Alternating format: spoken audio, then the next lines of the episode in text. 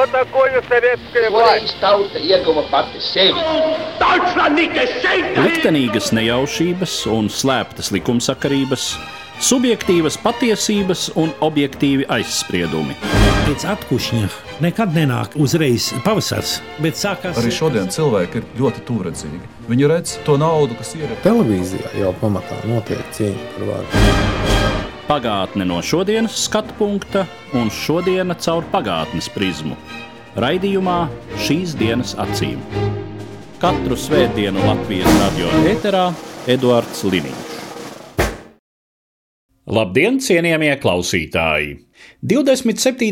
oktobrī apritēja 120 gadi kopš nācis pasaulē dzinieks Aleksandrs Čaks. Šodien piedāvāju jūsu uzmanībai tiešsaistes sarunu ar Čaka atzījotāju angļu valodā Ievu Lešinsku. Ievas kontā ir vairāki desmiti angliskotu Čaka dzējas darbu, tā skaitā poēma Mūžības skartie.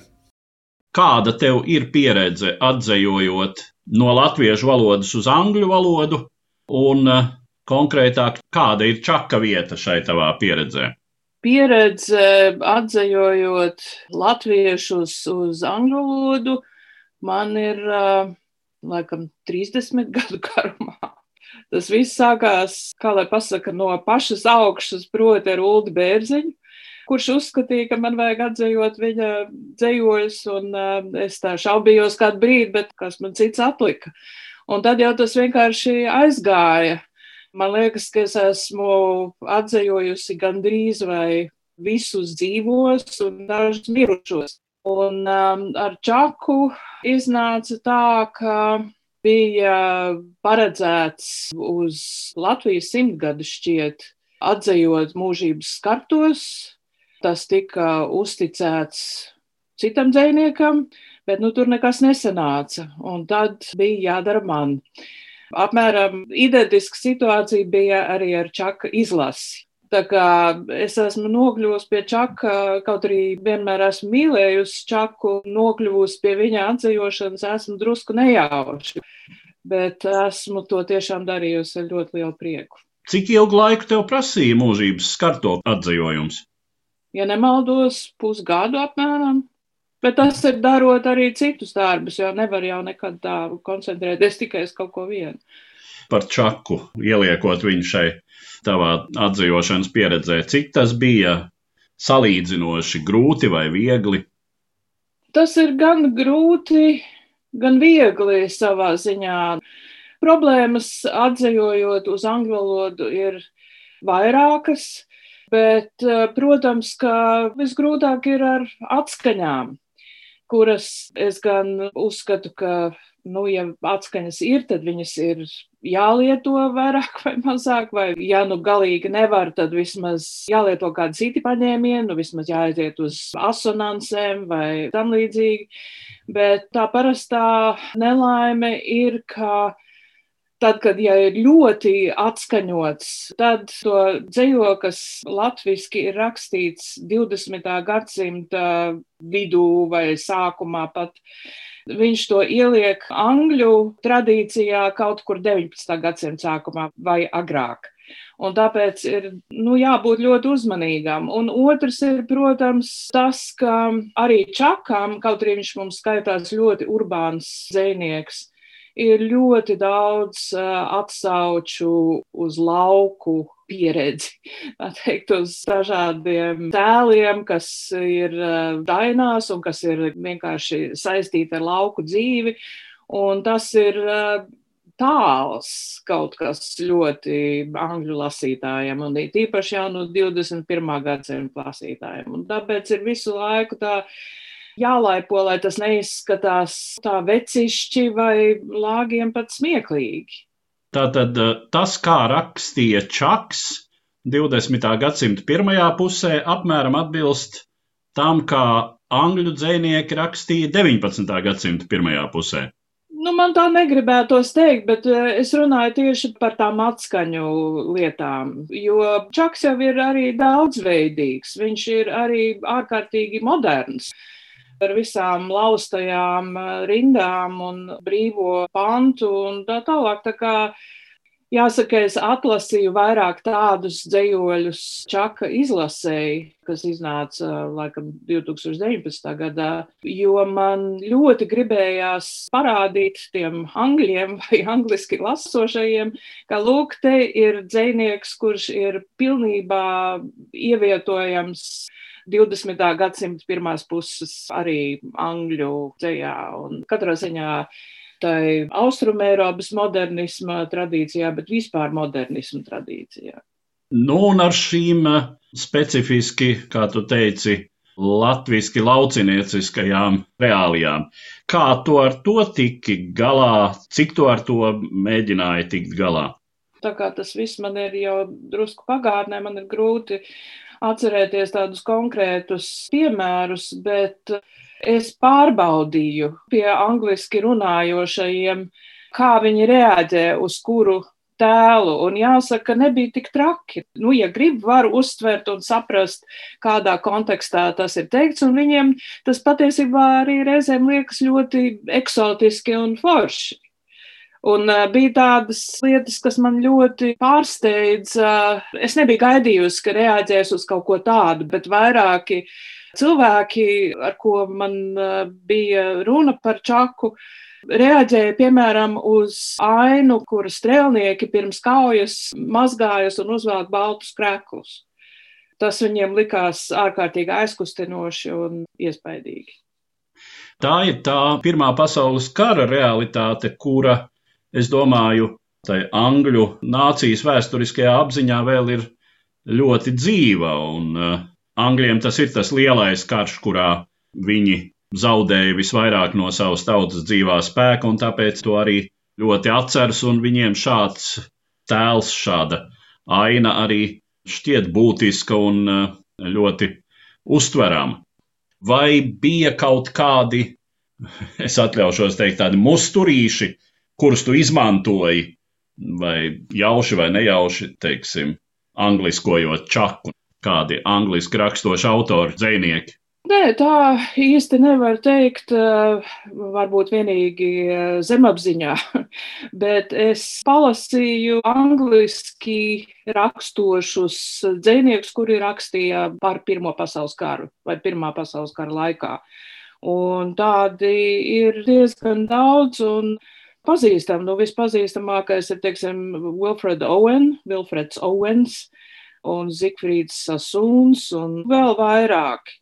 Bet viņu lielākā daļa ir ļoti nu, tie ir pacifistiski dzinieki. Viņi ir nokļuvuši tajā kara laukā, bet viņi ļoti vēršas pret vāru, kura viņus tur ir nosūtījusi, un tā tālāk. Nu, tas nav čaks, un čakam, protams, pasaules karš ir kaut kas pavisam cits nekā viņiem čaka izjūta, kas bija arī e, latviešu nācijas lielākās daļas izjūta, ka tas pirmais pasaules karš no mums jau tā bija tā krīze, kuru mēs vislabāk pratāmies izmantot.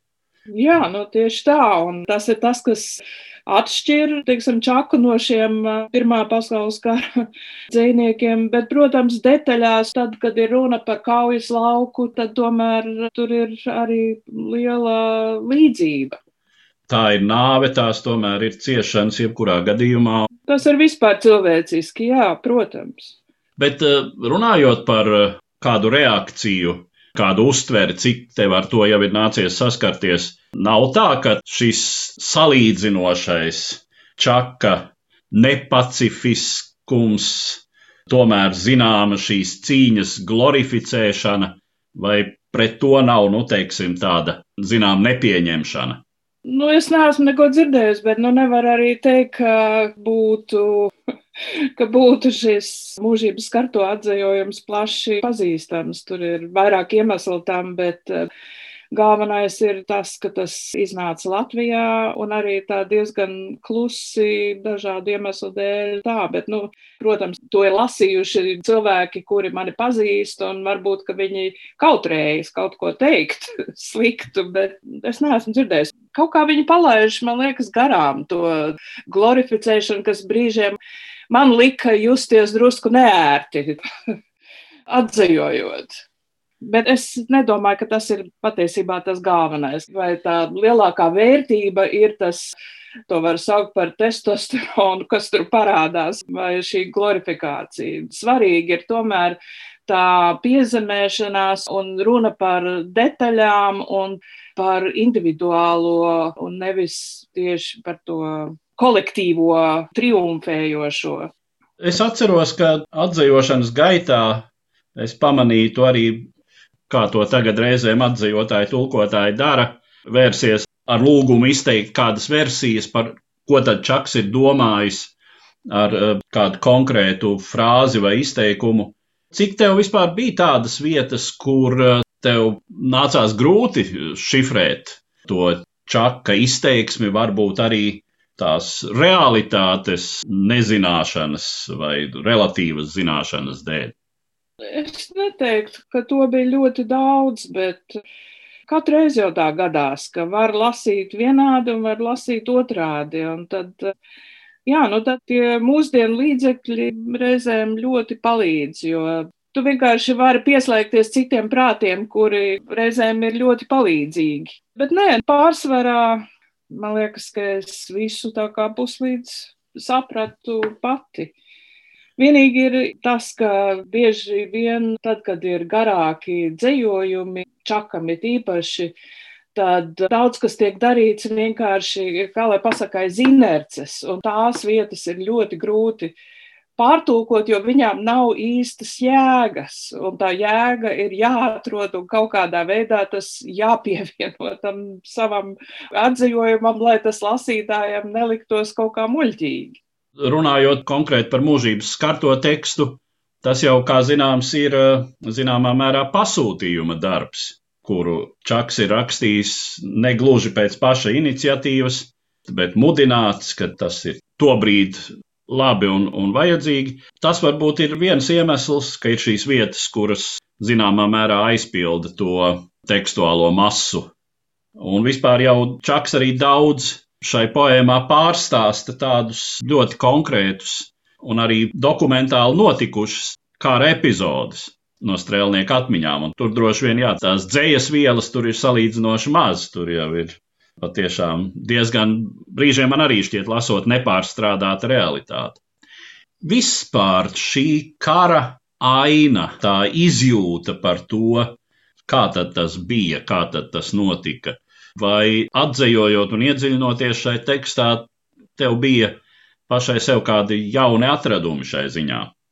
Es nedomāju, ka man tur bija kādi atradumi. Es, es gribu piebilst pie tā, ko tu teici par to pasūtījumu darbu. Uh, Man šķiet, ka ja nebūtu noticis tas, kas notika, proti 40. gads un viss, kas tam sekoja, ļoti iespējams, ka ņemot mērā to, ka man šķiet, ka viena mūžības karto daļa iznāca 39. gadā, respektīvi īsi pirms visa sabrukuma, man šķiet, ka Čaks būtu droši vien, tā kā viņš jau tā pārstrādāja mūžības kartos vairākas reizes. Es domāju, ka vienā brīdī viņš būtu pieķēries šim darbam un viņu, kā lai pasaka, nu, padarījis viendabīgāku un varbūt arī tādu plūstošāku un uh, uzlabojis. Bet, kas attiecas uz tiem atklājumiem, man tādu nebija, bet es kaut kā ļoti uh, pārdzīvoju vairākas epizodes. Ir tādi dzējojumi, kas mani aizkustina līdz asarām. Un viens no tiem ir nakts viesis, ko es esmu mēģinājusi, teiksim, draugiem lasīt gan latviešu, gan angliski, bet eh, bez asarām nevaru. Un otrs ir dvēseli zvejnieks kas arī atstāja tādu pašu iespēju. Un tad, kad es lasīju un tulkoju par kaujām pie slokas, tad es atcerējos savas vasaras, ko es ļoti daudz savā bērnībā, agrijā jaunībā pavadīju asaros. Un tur ir arī brāļu kapi, kur es biju taisnība Latvijas dienā arī šogad. Uh, Un es atceros, ka vecie cilvēki stāstīja, ka visa asaru pludmale ir bijusi noklāta ar līķiem. Pazīstot to vidi, tas vienkārši uz mani ļoti iedarbojas. Un tās ir tās vietas, kur tu vari patiešām iedziļināties un, un sajust to caur sevi. Tās ir tās droši vien arī, kuras labāk padodas atdzīvot. Un nu ieklausīsimies, kā skan čaks angliski. Fragmentu no poēmas mūžības skartie ievada Ievas Lešinskas atzījumā lasa Marks Geibers.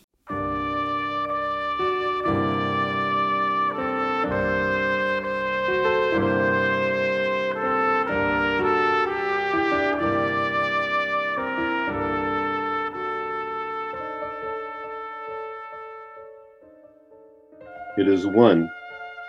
The scent of hay is spun. One. And then I see against this night sky where the clouds bury the moon. One by one march the platoons. Otherworldly, they flare up and die down. One after another, eight regiments in all. Banners flame over their lot. Before their fervor and force, the light crouches and fades. Against the clouds, rubescent and ghost like, up to eternity, units ascend. Sensing them, winds grow hoarse and timid, and the surf freezes to silk. Regiments rise, and their ascent is seen through the entire sky. Regiments rise, and the world entire is lit up by their radiant fire. It is drawn up by rocks, people, and trees, by wild beasts and everything else. Yet they keep spiraling up ever higher, up to the stars, they are sure to rise. Helmets gleam and sticks cut through space. Their faces are lit with keen beauty. The breath of their steps and their hearts is felt by all of creation. At this sight, all are a tremble. Under their feet, clouds gasps, where their formation is broad like a river, and where their way is studded with stars. My body shudders, the ground is astir. When I see at faraway distance their shining rows and flashing feet. Who am I, and what is this bridge? Everything seems to break open now. My soul likewise is torn wide open. It rises up and flows with them. And then I see in the clamor of clouds, at that place where the human ends, I am lifted up by words so loud, my voice joins in upon seeing the crowd. Riflemen, Latvian riflemen. My mind is bedazzled by these words, even more than in an autumn night on the street by a spray of lights. Riflemen, the smoldering lava of the soul of a peasant nation, smothered for seven hundreds of years, the loudest shout resounding in space and universe, the secretly sharpened knife that cuts the ropes on chests to make way for breath. Riflemen, at midnight blind and dreary, by Vasey, by Chakala, by Sloka and Smarta, in the Tyrellus bogs, white and silent like ghosts, you walked, you walked to your death. Against helmeted Germans, you walked. Day and night by the Ugla, crazy and black as if made of cast iron. Firmly you stood against the pride of Germans and their superior numbers, and who could not be taken by bullets were done in by clubs. The dry and parched lips, dirty streets of Kazan, you, kissed with your own blood for freedom's sake. In the Kramo of icons, in the yellow steppes of Ukraine, in its cornfields, the mighty sigh of your fervent lot cut a wide swath in the silvery ranks of Tsar's officers. Proud riflemen, you, boys from Latvian meadows and woods, where the sand hides the sun and the rushed steps of your feet. Just as you used to herd cattle, now you are herding peoples and time. Proud riflemen, you, boys from the pines of Nordechi, from Zweigschnu and Revelous streets, just as you used to shoot at windows and sparrows from slings. and fished for minnows in the harbor. Now you are fishing for fame, for freedom from your nation, and are swinging away hearts that have grown too old. Rifleman, Latvian rifleman.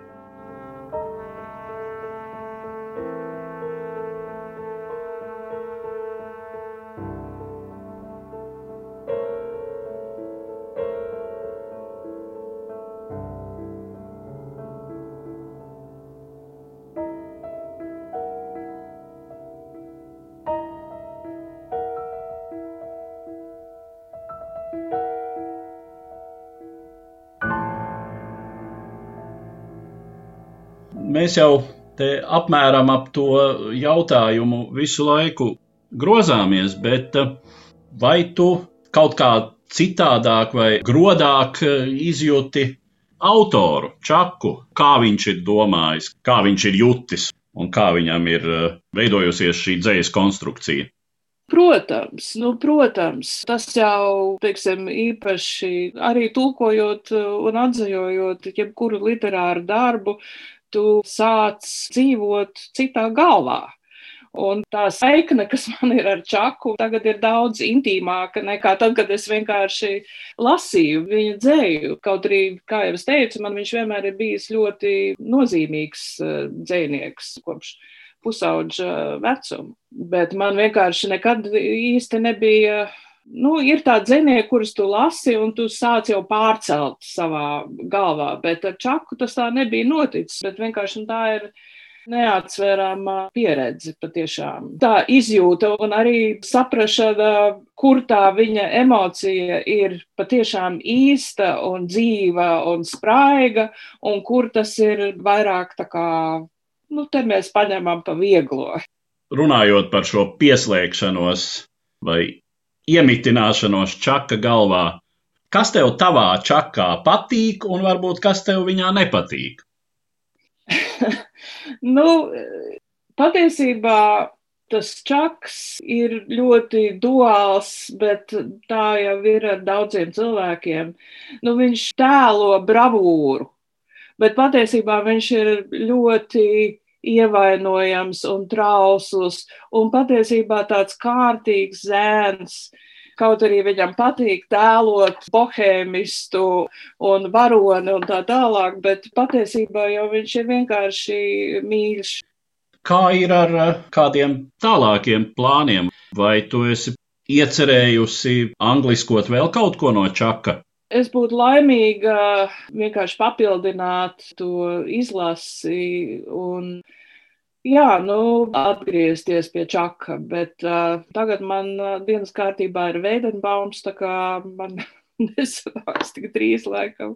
Nu, Veidenbaumam jau gan ir tikai apmēram simts dzējoļi.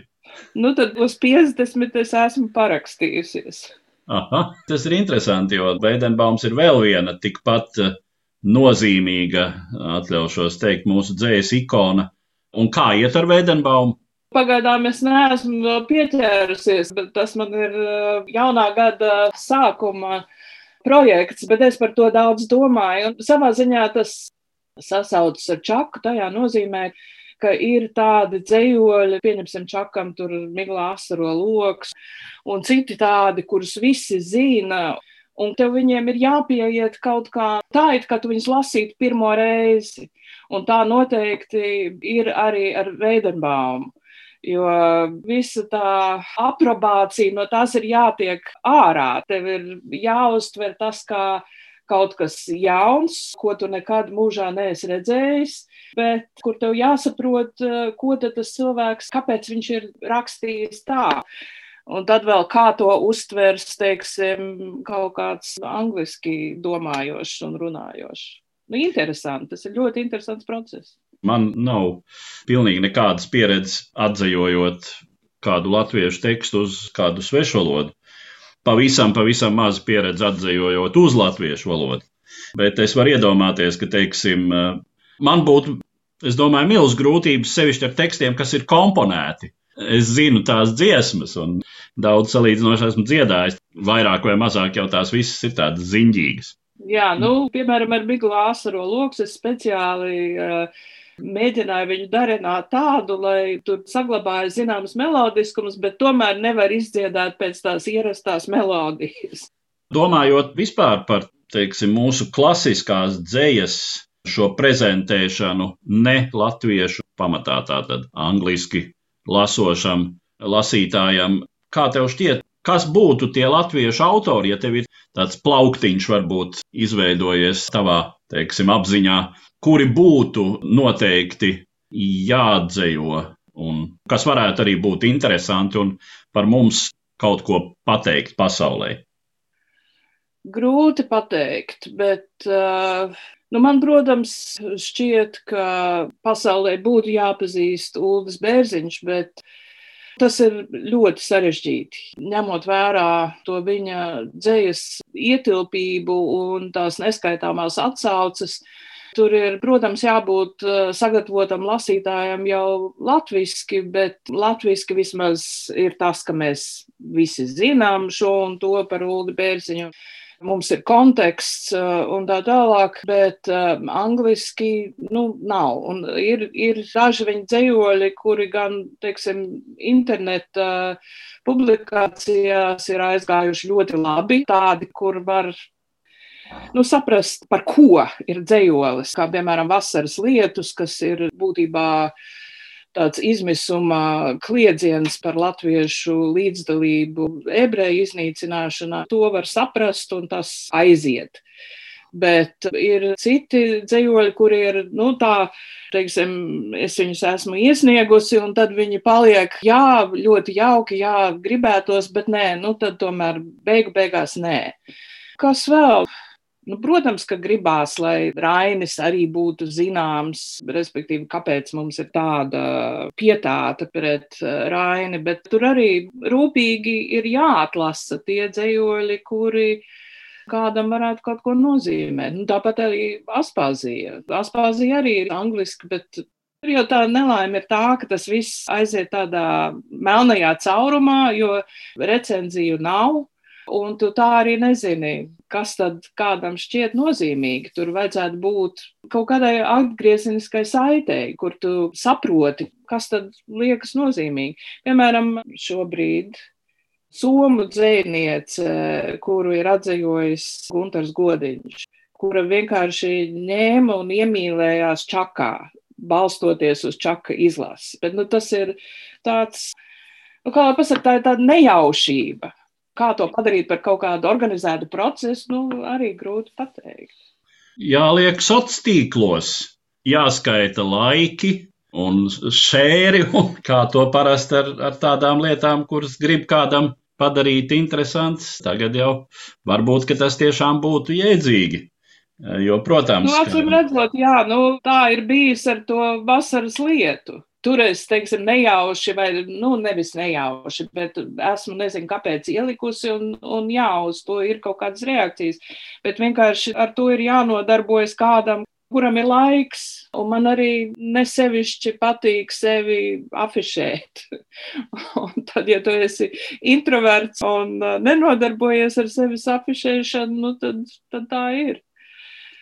Jā, kā zināms, latviešu literāts ir introverts. Tas varbūt ir vienīgais, kas kaut cik plašākai publikai tagad ir eh, skaidrs vai kaut kā asociējas ar latviešu literatūru, pateicoties sekmīgai publicitātes kampaņai.